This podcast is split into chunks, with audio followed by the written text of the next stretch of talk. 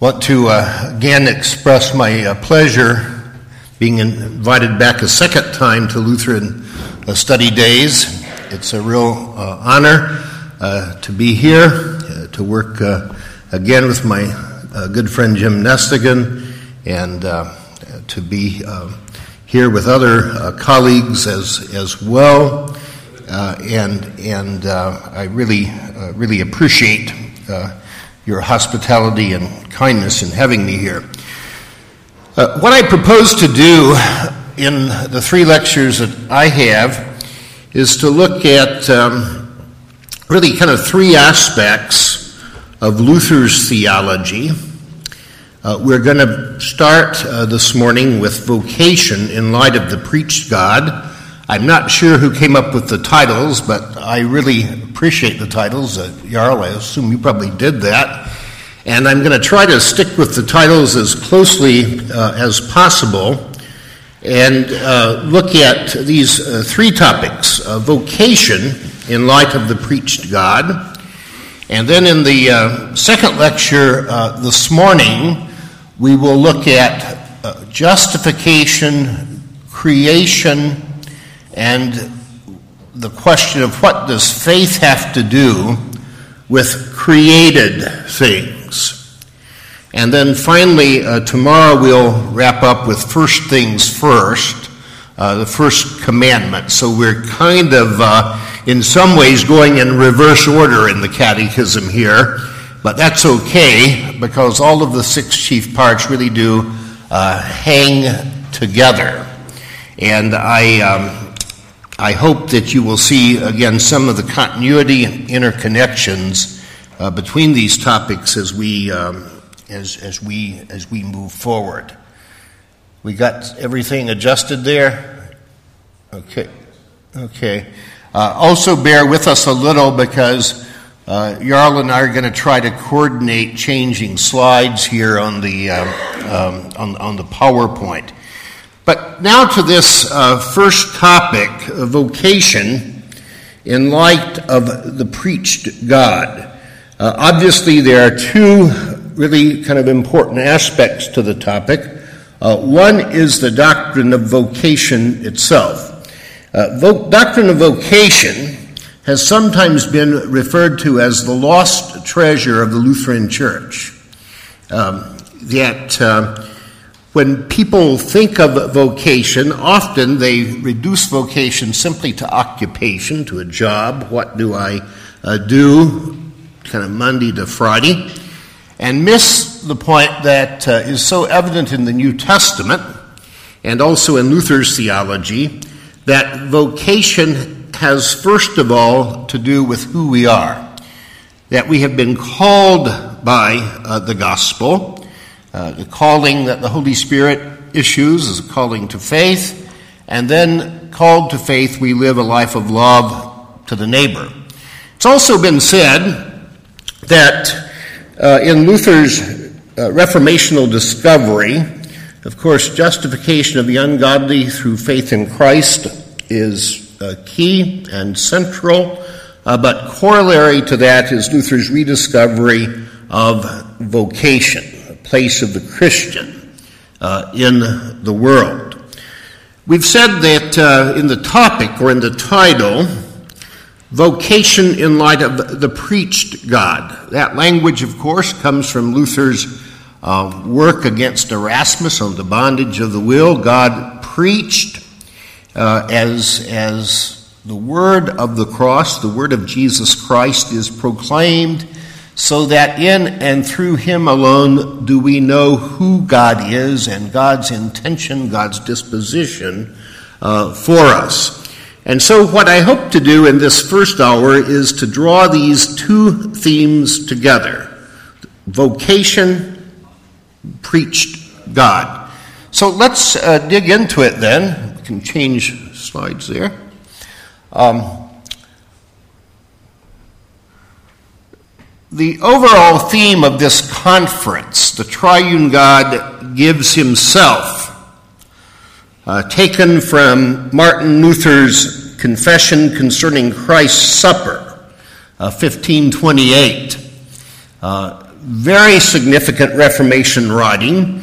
In fact, Luther said of this writing, I'm willing to tuck this book under my arm and stand before the judgment seat of Christ.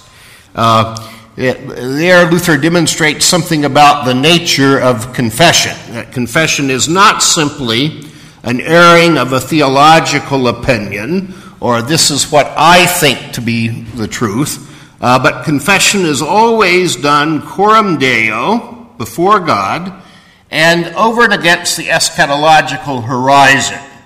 Uh, you see that kind of language in the pastoral epistles in the New Testament, uh, where uh, Paul speaks of his own good confession in light of the last day. And this is exactly how Luther himself understood the act of confession saying back to God in the presence of the world what God has said to us in His Son, Jesus Christ, as we are given this Christ in uh, the Holy Scriptures.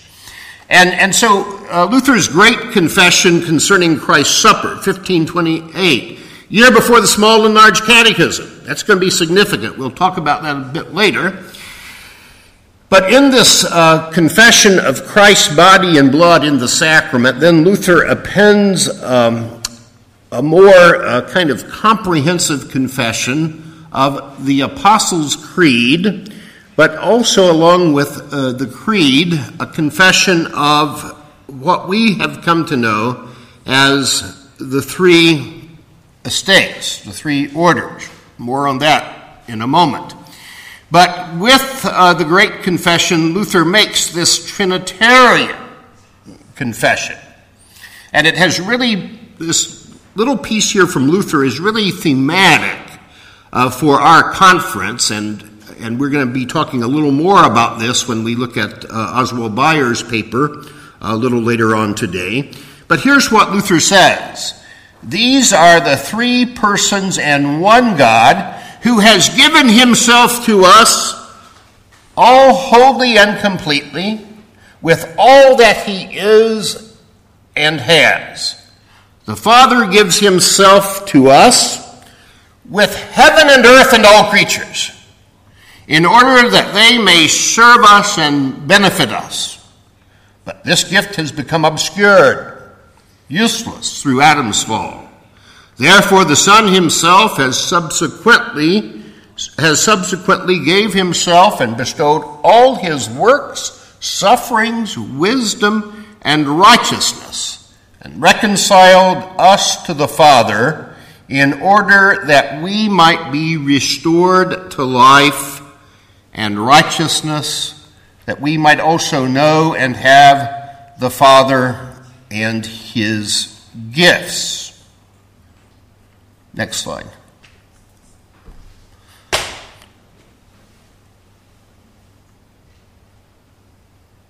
The little statement from Confession of Christ's Supper anticipates then Luther's confession also of the Holy Spirit. We see an example of Luther's confession of the Holy Spirit, how, to use Luther's own words, Christ made the Holy Spirit a preacher in Luther's sermon on John 16, where Luther writes, Here Christ makes the Holy Spirit a preacher. He does so to prevent one from gaping toward heaven in such, such in search of him as the fluttering spirits and enthusiasts do, and from divorcing him from the word of the ministry. One should know and learn that he will be in and with the Word, and that it will guide us into all truth. In order that we may believe it, use it as a weapon, be preserved by it, uh, by it against all the lies and deceptions of the devil, and prevail in all trials and temptations, the Holy Spirit wants this truth which He is to impress into our hearts to be so firmly fixed that reason and all one's thoughts and feelings are relegated to the background. He wants us to adhere solely to the Word and to regard it as the only truth. And in and through this Word alone, He governs the Christian church to the end. Uh, in the large catechism, Luther speaks of how Christ's work has been accomplished once and for all in his atoning death on the cross, his resurrection from the dead. But he says, unless this gift were delivered to us, it would all be for naught. Um, that redemption is both done and delivered.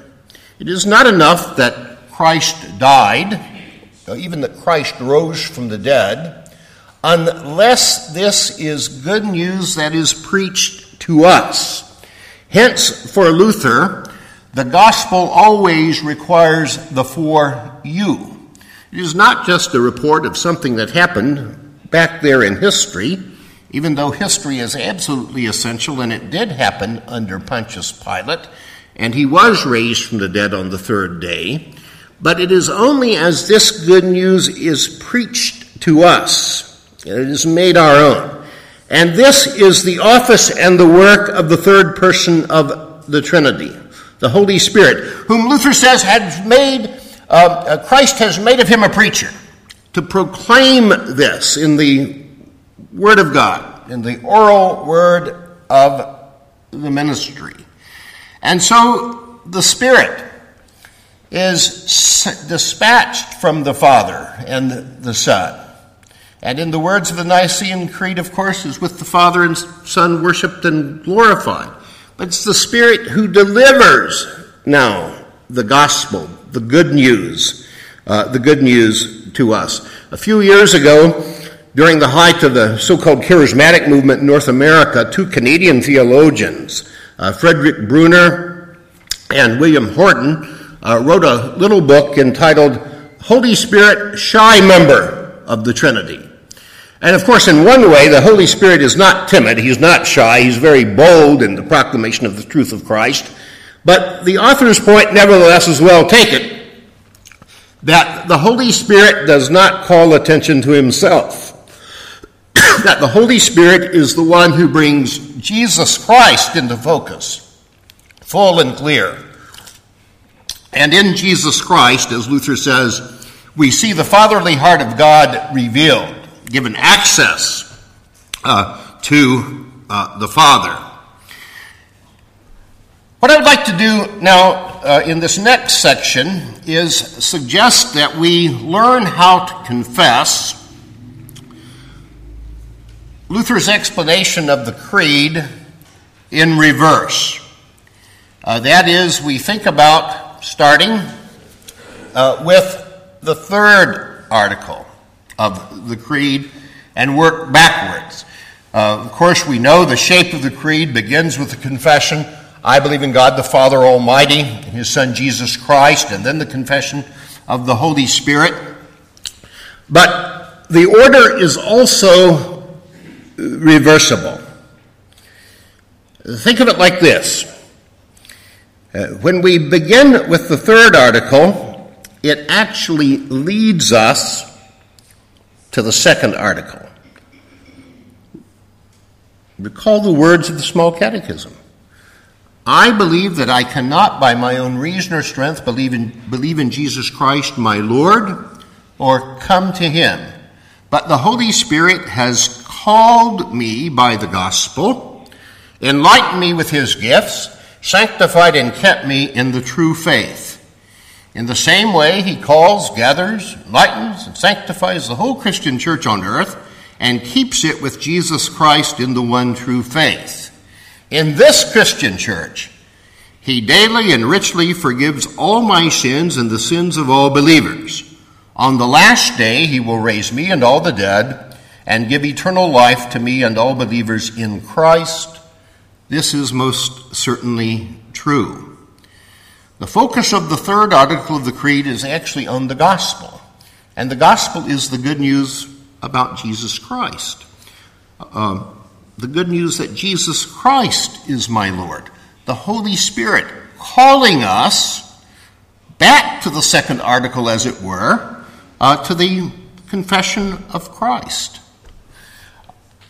And there again, second article, you know the words I believe that Jesus Christ, true God, begotten of the Father from eternity, and also true man, born of the Virgin Mary, is my Lord, who has redeemed me, a lost and condemned person, purchased and won me from all sins, from death, and from the power of the devil, not with gold or silver, but with his holy, precious blood, and with his innocent suffering and death, that I may be his own, live under him in his kingdom, and serve him in everlasting righteousness, innocence, and blessedness, just as he is risen from the dead and lives and reigns to all eternity. This is most certainly true. Third article takes us to the second article. And the second article then takes us to the first article. I believe that Jesus Christ, true God, begotten of the Father from all eternity. And it is the Spirit now who preaches. Next slide. It is the Spirit who preaches the Son, who gives us access to the Father. Uh, think of the great Pentecost hymn from the Reformation. Come, holy light, guide divine. Now cause the word of life to shine. Teach us to know our God aright and call him Father with delight. From every error keep us free. Let none but Christ our Master be. That we in saving faith abide, in him our Lord, with all our might confide. Alleluia, alleluia. Spirit causes the word of life to shine that we might know our God aright and call him Father with delight. We see that uh, the Spirit, next slide, uh, we see that the Spirit carries all the verbs of sanctification in the third article. Uh, sanctification is finally not our project, but rather the Holy Spirit's work as He brings us into Christ's holy kingdom. Luther describes it like this from the Large Catechism.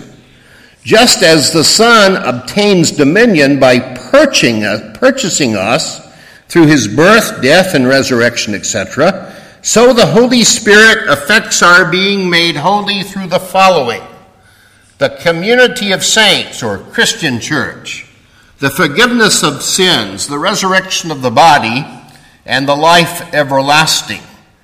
That is, He first leads us into this holy community, placing us in the church's lap, where He preaches to us and brings us to Christ. Think again of how Luther locates the work of the Holy Spirit in, in the third article. In this Christian church, he daily and richly forgives me my sins and the sins of all believers. This holy church, made holy by the holy thing, Luther says, the Word of God. That Word of God is the agency by which God declares us to be holy. Uh, our holiness is found only in Christ Jesus, the one who forgives our sins and gives us in that forgiveness life and salvation. And so in the second article, Christ has redeemed us, and as his own position, possession, we live under him in his kingdom and serve him. Christ Jesus came not to be served, but to serve, not to be served, but to serve and to give his life as a ransom for many. Think there of Mark 10, verse 45. Only as we are claimed by him and given life in his kingdom, can we then serve him in everlasting righteousness, innocence, and blessedness. We serve him only insofar as he has served us, made us his own, bestowed on us his righteousness, given us a place in his kingdom. And so the second article then takes us back to the first, where it is our duty to thank, praise, serve, and obey the Father. Remember the words of the small catechism. Next slide. I believe that God has made me and all creatures, and that He has given me my body and soul, eyes, ears, and all my members, my reason and all my senses, and still takes care of them. He also gives me clothing and shoes, food and drink, house and home, wife and children, land, animals, and all that I have. He richly and daily provides me with all that I need to support this body and life. He defends me against all danger and guards and protects me from all evil. All this he does only out of fatherly divine goodness and mercy, without any merit or worthiness in me. For all this it is my duty to thank and praise, serve and obey him. This is most certainly true. Third article takes us to the second article that I may be his own, live under him in his kingdom, serve him in everlasting righteousness, innocence, and blessedness and second article takes us back to the first article, where it is our duty, in light of God's fatherly divine goodness and mercy, now to thank, praise, serve, and obey Him. That is, our vocation is located in creation.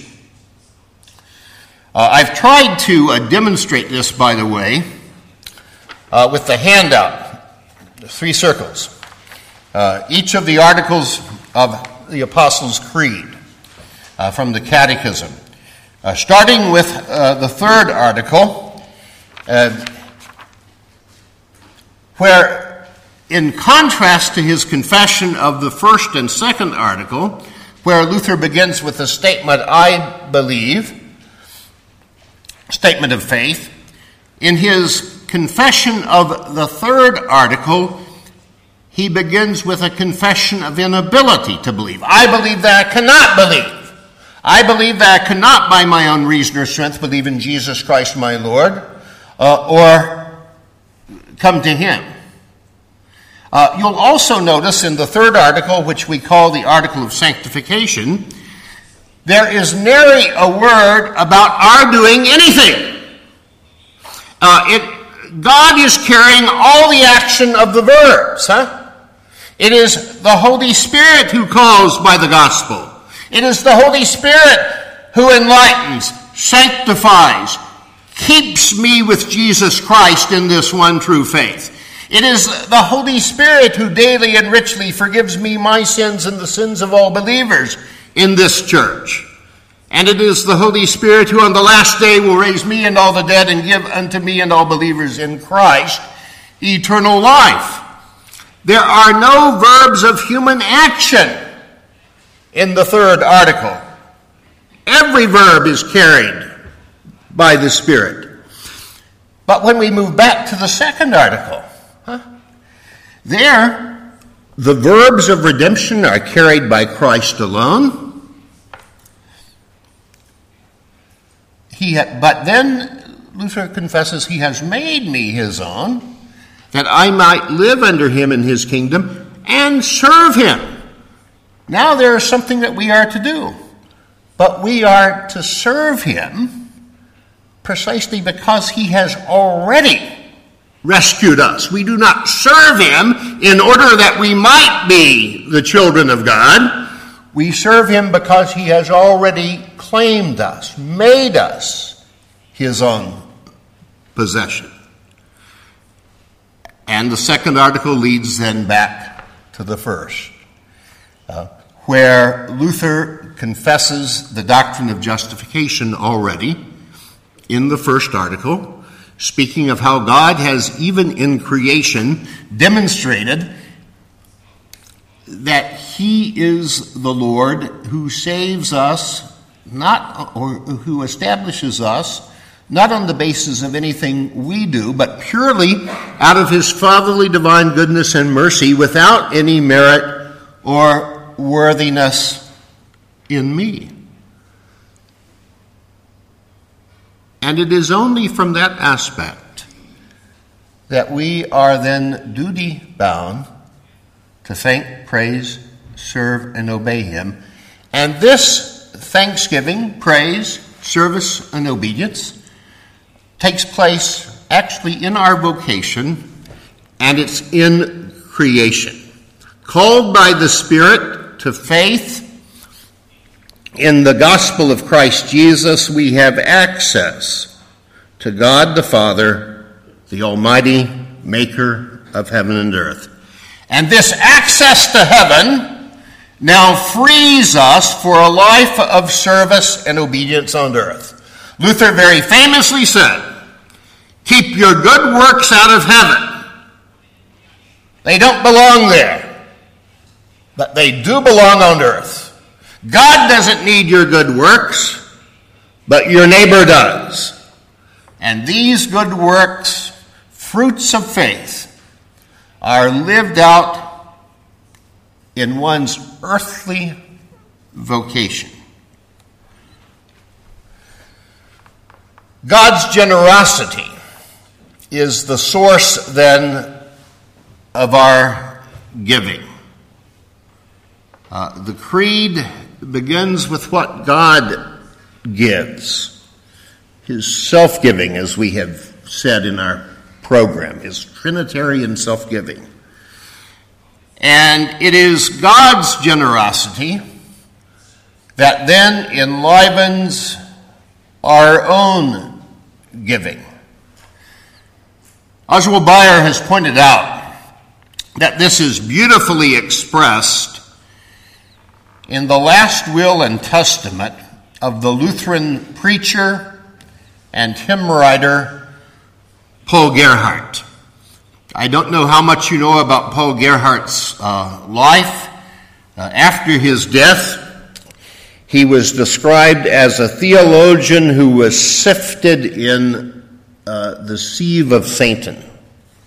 Uh, he was driven out of his pulpit in Berlin because he staunchly uh, confessed the Lutheran doctrine of the Lord's Supper over against crypto Calvinists.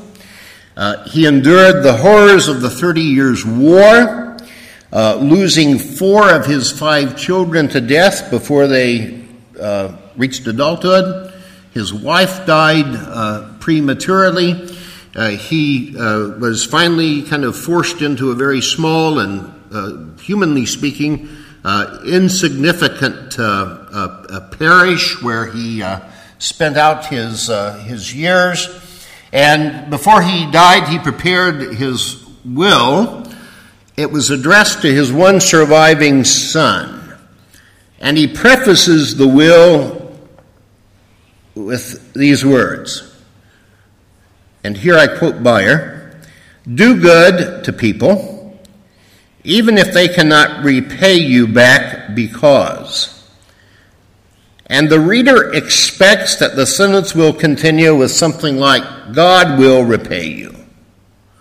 But Paul Gerhardt frustrates that expectation by continuing, For what human beings cannot repay, the creator of heaven and earth has repaid you long ago when he created you, when he gave you his only son, and when he accepted and received you in holy baptism as his child and heir. Notice what Gerhardt does. The life of the Christian, specifically the life of his son, is to be determined by what God has already given. We do not do good that we might later on receive good. It's not kind of a Christian karma, you see here. Uh, what goes around comes around. But we do good because God has already, in His fatherly divine goodness and mercy, done good to us. When He created you, body and soul. When he gave his son to die for your salvation, when he made you his own in holy baptism. Our vocation is an extension, in other words, of God's prior generosity to us. And so God sanctifies us for service in the world. Uh, again, the words of Oswald Bayer, very helpful here. His little book, Living by Faith, a fine uh, kind of introduction to the distinction between justification and sanctification. Uh, Bayer puts it like this The marks of the church are the means of sanctification through which the Holy Spirit sanctifies his people according to the first table. Clearly, those who are sanctified by the work of Christ, the forgiveness of sins, are now placed in his discipleship. Nevertheless, the focus is not upon the saints, but upon sanctification, upon the Word of God in all of its sacramental forms, and also upon the secular institutions that correspond to the second table of the law. When we are sanctified, the meaning is that God Himself sanctifies us by imparting Himself to us as the Holy One who alone is holy. Only God is holy, and what He says and speaks and does is holy. That is how God's holiness works. He does not keep it to Himself, but communicates it by sharing it. Uh, Lutheran theology refers to this as the imputation of Christ's righteousness that God does not keep his righteousness to himself, but in Christ, and for the sake of Christ, declares you to be righteous and holy. And in that sense, we indeed may, uh, uh, may agree with uh, uh Gerhard Forde that sanctification is simply getting used to your justification. God declares you to be righteous, He justifies, now you get used to it. You live righteously.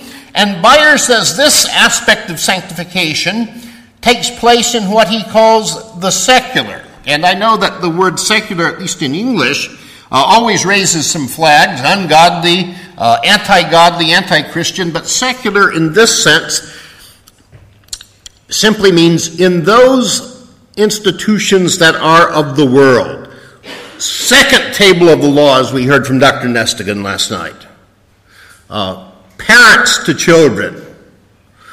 The life and the body of the neighbor in the fifth commandment. The marriage of the neighbor, sixth commandment. The property of the neighbor, seventh commandment. The reputation of the neighbor, eighth commandment. And then the things of the neighbor, uh, ninth and tenth commandment. Uh, we're going to come back to that. But you see, what Bayer is saying here is that from the Coram Deo perspective, it is God who sanctifies, who makes us holy.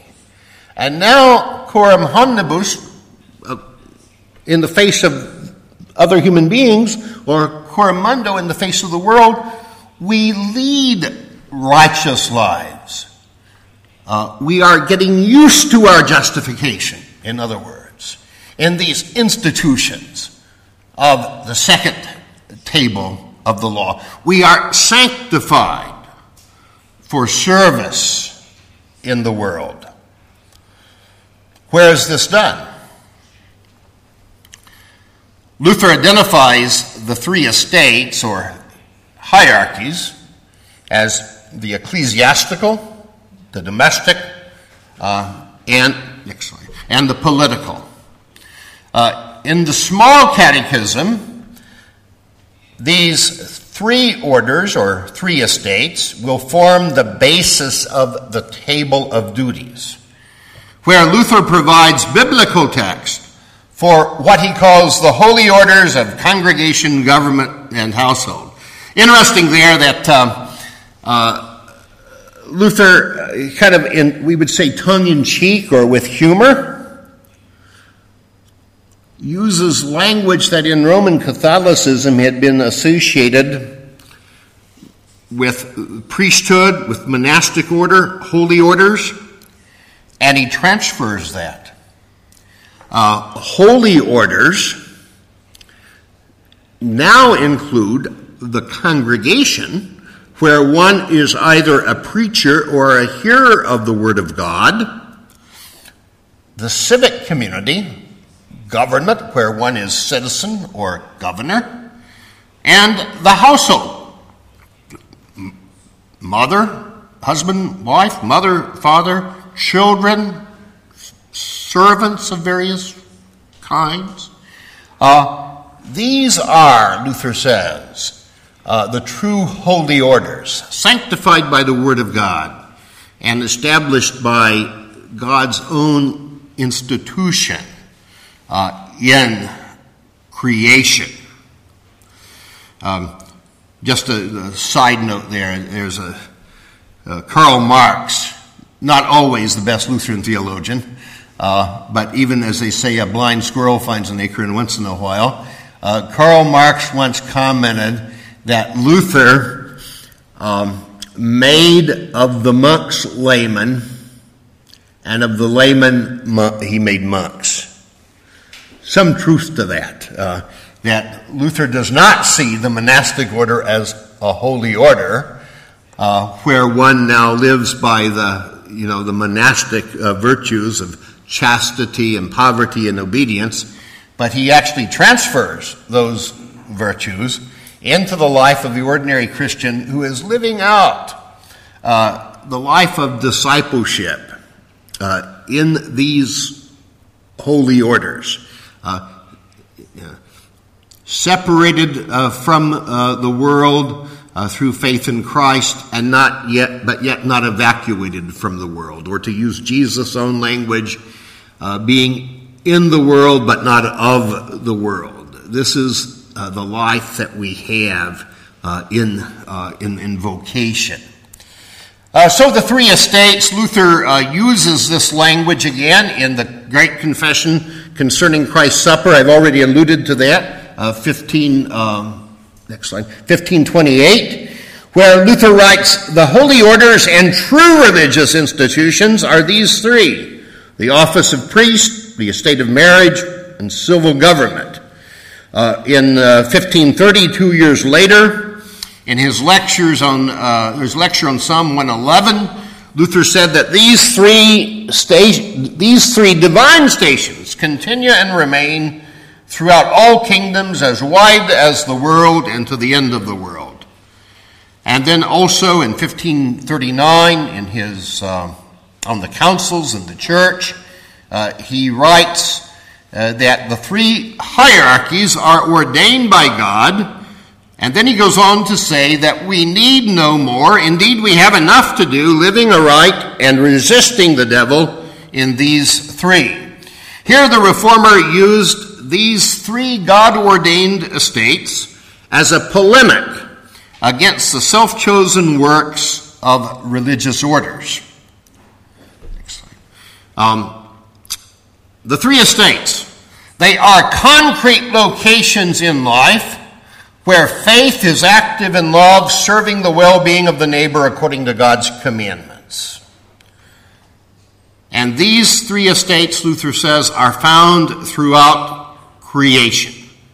No matter where you go, they appear because God instituted them already in creation. Next slide. Faith is not bound to any particular order or state.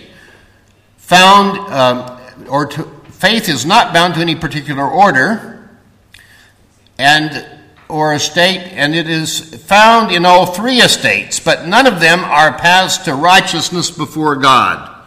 Instead, they are the concrete locations where faith is active in love for the well being of the neighbor.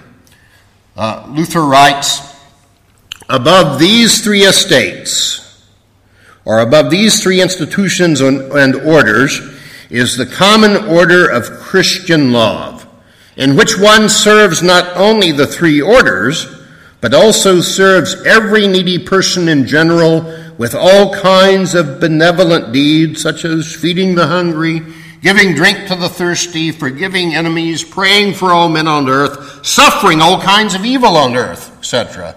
Behold, all of these are called good and holy works.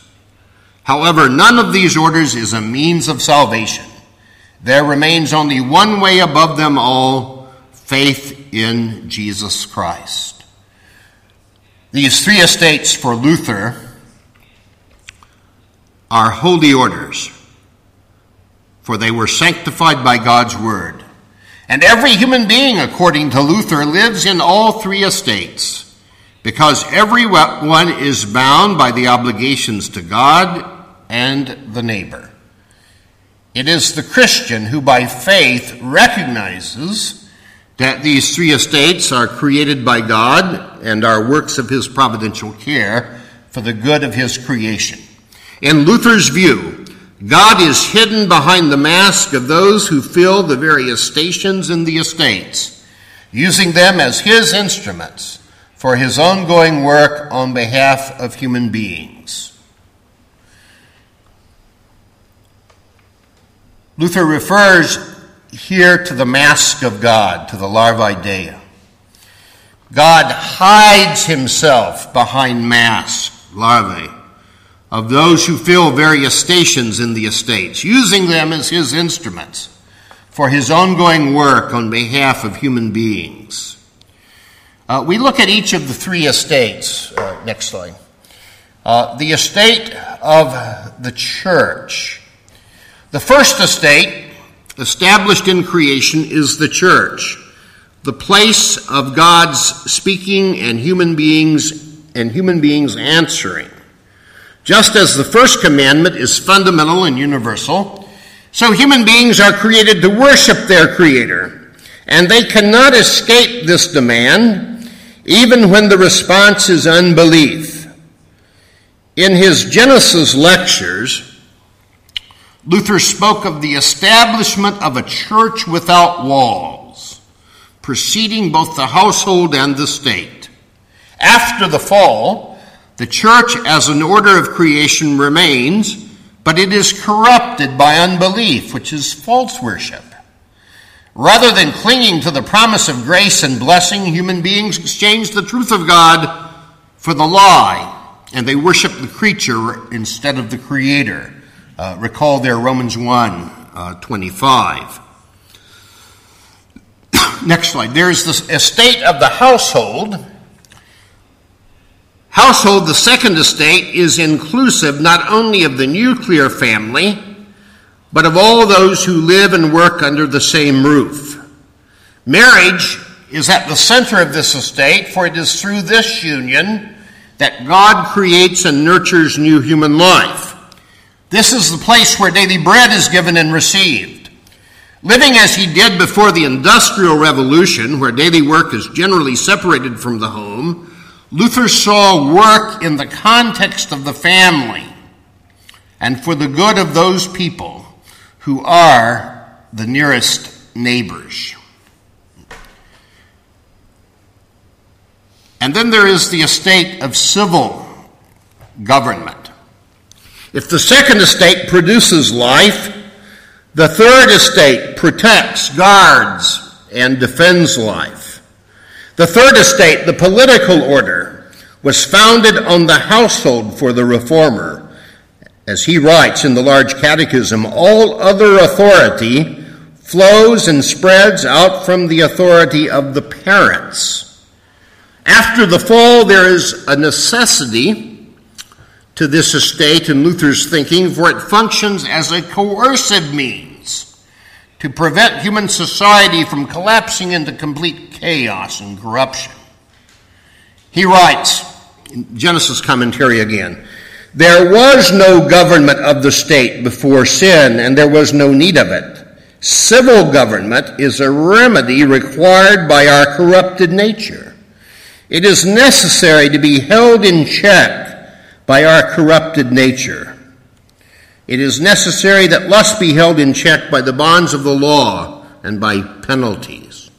Uh, government, according to Luther, was established in creation out of the household but the state was established after uh, the fall. So Luther does make a, uh, distinction between government in a kind of broad sense, which is already there with dominion being given to Adam, and state, which comes after the fall, as there is uh, the mandate uh, to uh, punish evildoers.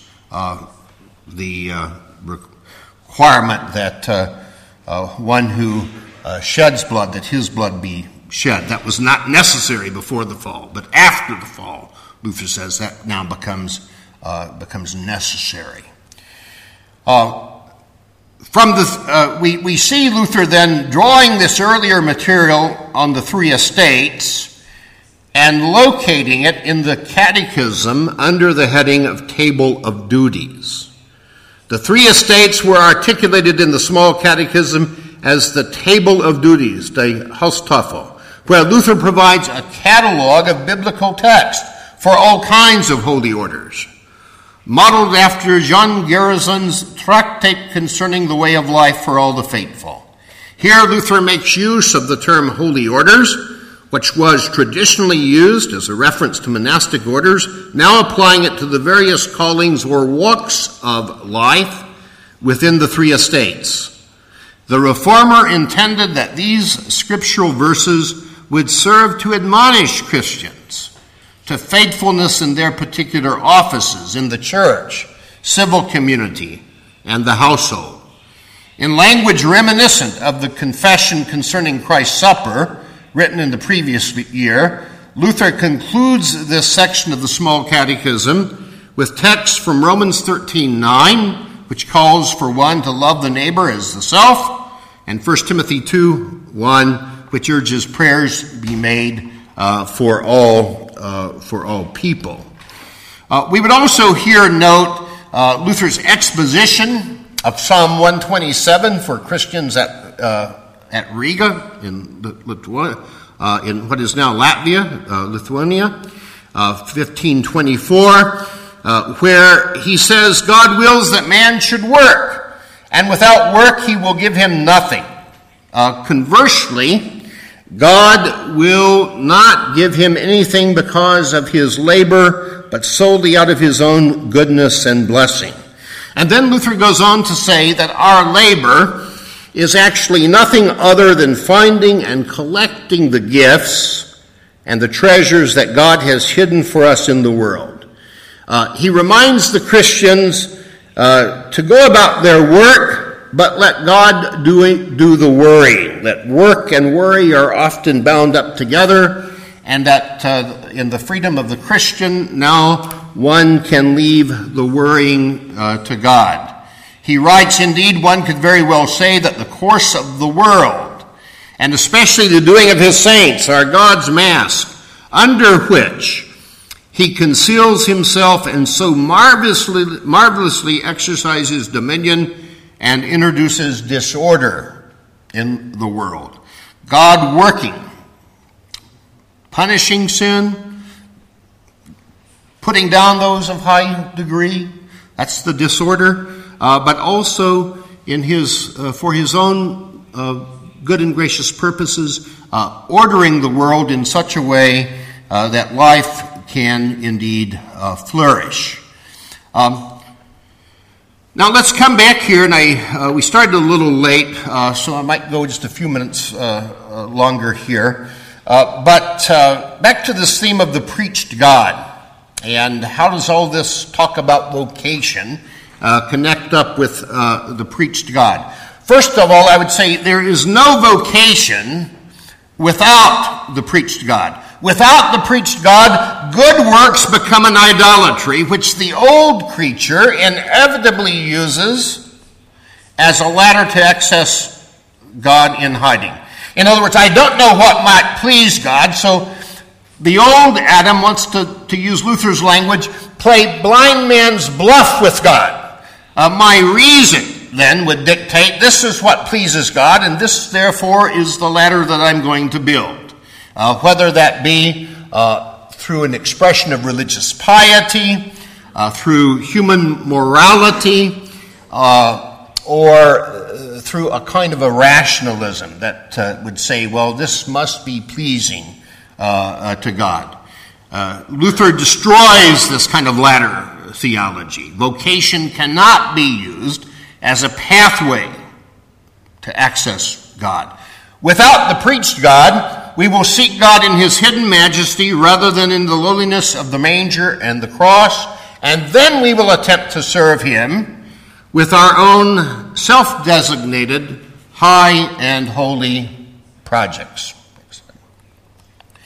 Without God, without God preached, the old Adam resorts to enthusiasm. Uh, enthusiasm, literally God within. Um, and that creates a market for all things in the field of spirituality. Uh, Luther complained about the enthusiast of his day uh, as those who had swallowed the Holy Ghost feathers and all and uh, looking then for the, you know, uh, for the spirit within. Uh, Smalcald articles, he condemns enthusiasm. Uh, you know those words, no doubt. This is all of the old devil and the old snake, who also turned Adam and Eve into enthusiasts and led them from the external word of God to spirituality and their own presumption. Although he even accomplished this by means even though, although he even accomplished this by means of other external words. You think again of Genesis 3. Did God really say? There's an external word of the serpent. Set in conflict and in contrast to the external word that God had already given Adam and Eve. And I love this quote then from Oswald Bayer. Those who want to search for the Holy Spirit deep within, deep inside themselves in the realm too deep for words, uh, to express we'll find ghost, not God. Great imagery. What does a ghost do? It haunts. Uh, but not the Holy Ghost, not the Holy Spirit. The Holy Spirit who comes uh, in and through the external word uh, comforts, consoles, uh, gives us all the gifts of Christ Jesus. But when we look inside, we find not the Holy Spirit, but only ghost. Bayer says. And then enthusiasm becomes a substitute for vocation. Uh, we don't have uh, time to cover all of this, but Luther has a strong, ongoing, unrelenting polemic against self chosen works. Uh, works that I would designate as holy. Works that I would choose to perform because I think that by these works I am serving uh, God. And in this case, then, it is our word, not God's word, that declares a work to be uh, holy.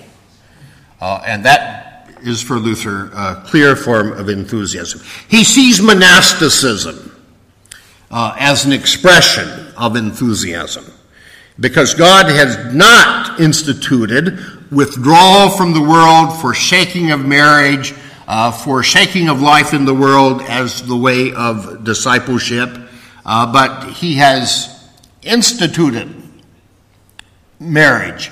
He has uh, commanded that we honor Caesar and that we pay taxes and that we work for the benefit of the neighbor. Monasticism uh, undertur- or, or overthrows that. Uh, and, and so he sees monasticism as an example of enthusiasm, of vocation where God is unpreached, which is a contradiction then, as I said, in, in terms.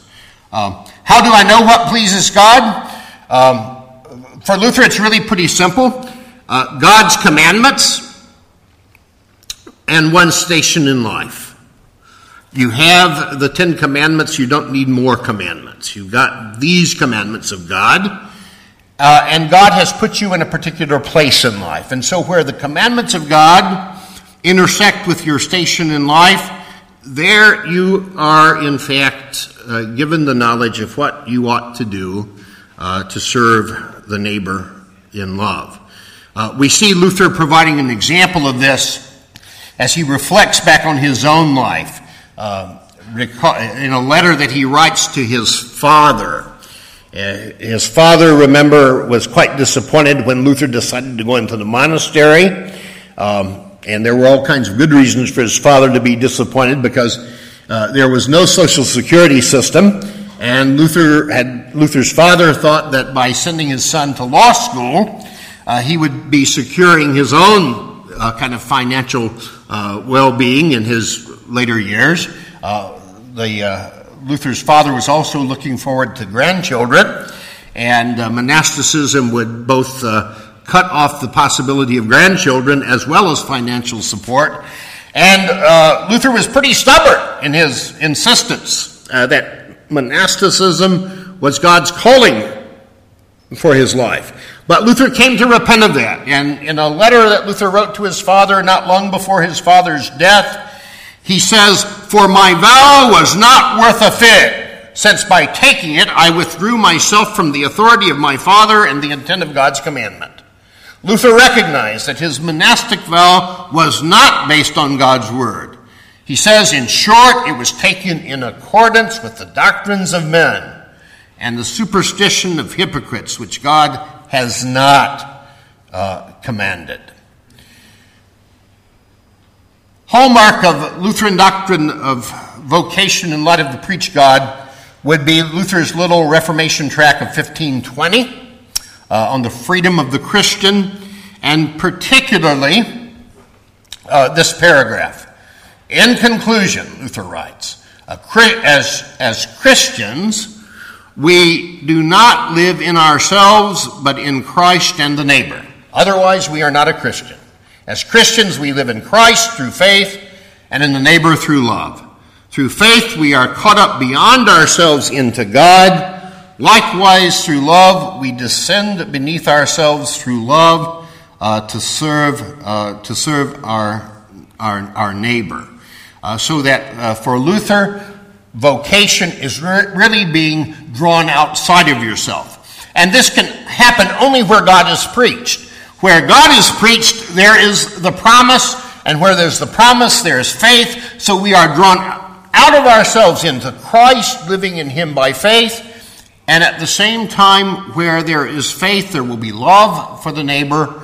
And so Luther says, drawn outside of ourselves, we are drawn into the neighbor's life to live, uh, to, to live a life of self giving toward the neighbor, love, uh, love toward uh, the neighbor. Uh, then, uh, conclusion, I'll try to summarize this as we're running out of time. we might put it like this the Augsburg Confession talks about new obedience. What makes new obedience new? The gospel. God preached. It is only in the light of God preached that the new obedience is a reality. The new obedience that does God's will, to use, to paraphrase the language of Formula of Concord, Article 6, out of a free and merry spirit not under the compulsion of a slave, but in the freedom of a son or daughter of God. When, when and where God is preached, we are freed from self defined paths to perfection. When and where God is preached, perfection is found not in our good works, but in true fear of God and true faith in God which is demonstrated in Christian love and true good works according to each person's calling. That's the language of the Augsburg Confession, Article 16. Uh, where God is preached, only then will there be true fear of God and true faith in God and genuine good works, uh, which are directed not toward the project of my salvation. That's accomplished in Christ and mine through faith, but toward the needs uh, of the neighbor. Uh, it is only where God is preached that the new obedience really does exist. And then, in that new obedience, we can confess with Luther at the end of the first article for all this, it is my duty to thank, praise, serve, and obey Him for all of this, for God's fatherly divine goodness and mercy, made manifest in our creation, accomplished in the work of Jesus Christ, who died and rose again for our salvation, and now delivered without any merit or strength on my part by the Holy Spirit who has called me, who has called me uh, by the gospel. Thank you very much.